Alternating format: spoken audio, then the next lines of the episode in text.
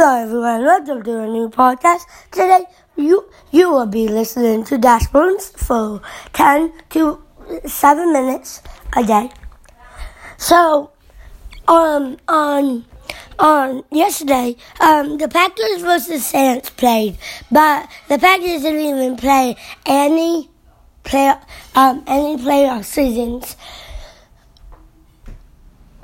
Oh, pre seasons and they they only have three points, and Saints has 38. So the Packers would be kind of mad if um, they didn't even play any games right this year, or they would be, be making making everyone mad a day for um for for not passing the ball. And he got mad yesterday. Aaron Rodgers got mad, and Jordan Love got out of the game, and Aaron got out of the game. So they only had one quarterback, and they totally sucked. And I would probably say that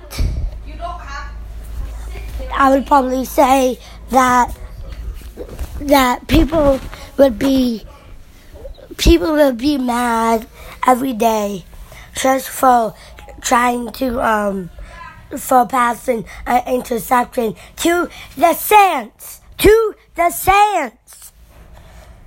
To the Saints.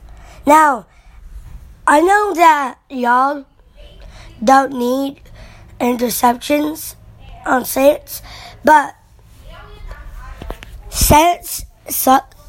But guess what? I will be making everyone mad at this game next week. I will be making everyone good at this week, but because we play Packers versus Saints, and Packers may win, Saints Packers versus Lions. I mean, and Packers may win, and but Lions really don't got good offense, so I'm not gonna blame them for it. But we probably would need someone, someone trying to get our butt ripped, your butt ripped by footballs. But we don't need you people being so mad at the games because it's like the first week of the season. So why would you be mad? The obviously you don't play trash defense, trash throwings. All right, thank you for for listening to Dash Runs for three minutes and eighteen seconds.